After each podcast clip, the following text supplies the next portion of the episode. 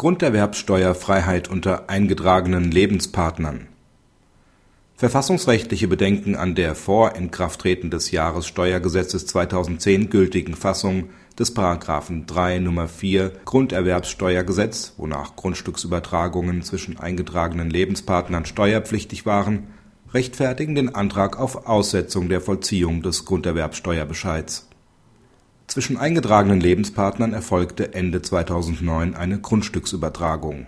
Das zuständige Finanzamt erließ einen entsprechenden Grunderwerbsteuerbescheid. Der erwerbende Lebenspartner wendet sich unter Hinweis auf die Verfassungswidrigkeit der Vorschrift und die mit Inkrafttreten des Jahressteuergesetzes 2010 am 14.12.2010 geänderte Rechtslage der Grunderwerbsteuerfreiheit gegen die Vollziehung des Bescheids das Finanzgericht gibt im Rahmen des vorläufigen Rechtsschutzes dem Antrag auf Aussetzung der Vollziehung des Steuerbescheids statt.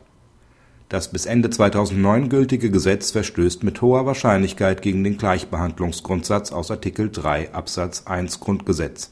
Es bezieht sich auf die Entscheidung des Bundesverfassungsgerichts zur Gleichbehandlung im Rahmen der Erbschafts und Schenkungssteuer zwischen Ehegatten und eingetragenen Lebenspartnern.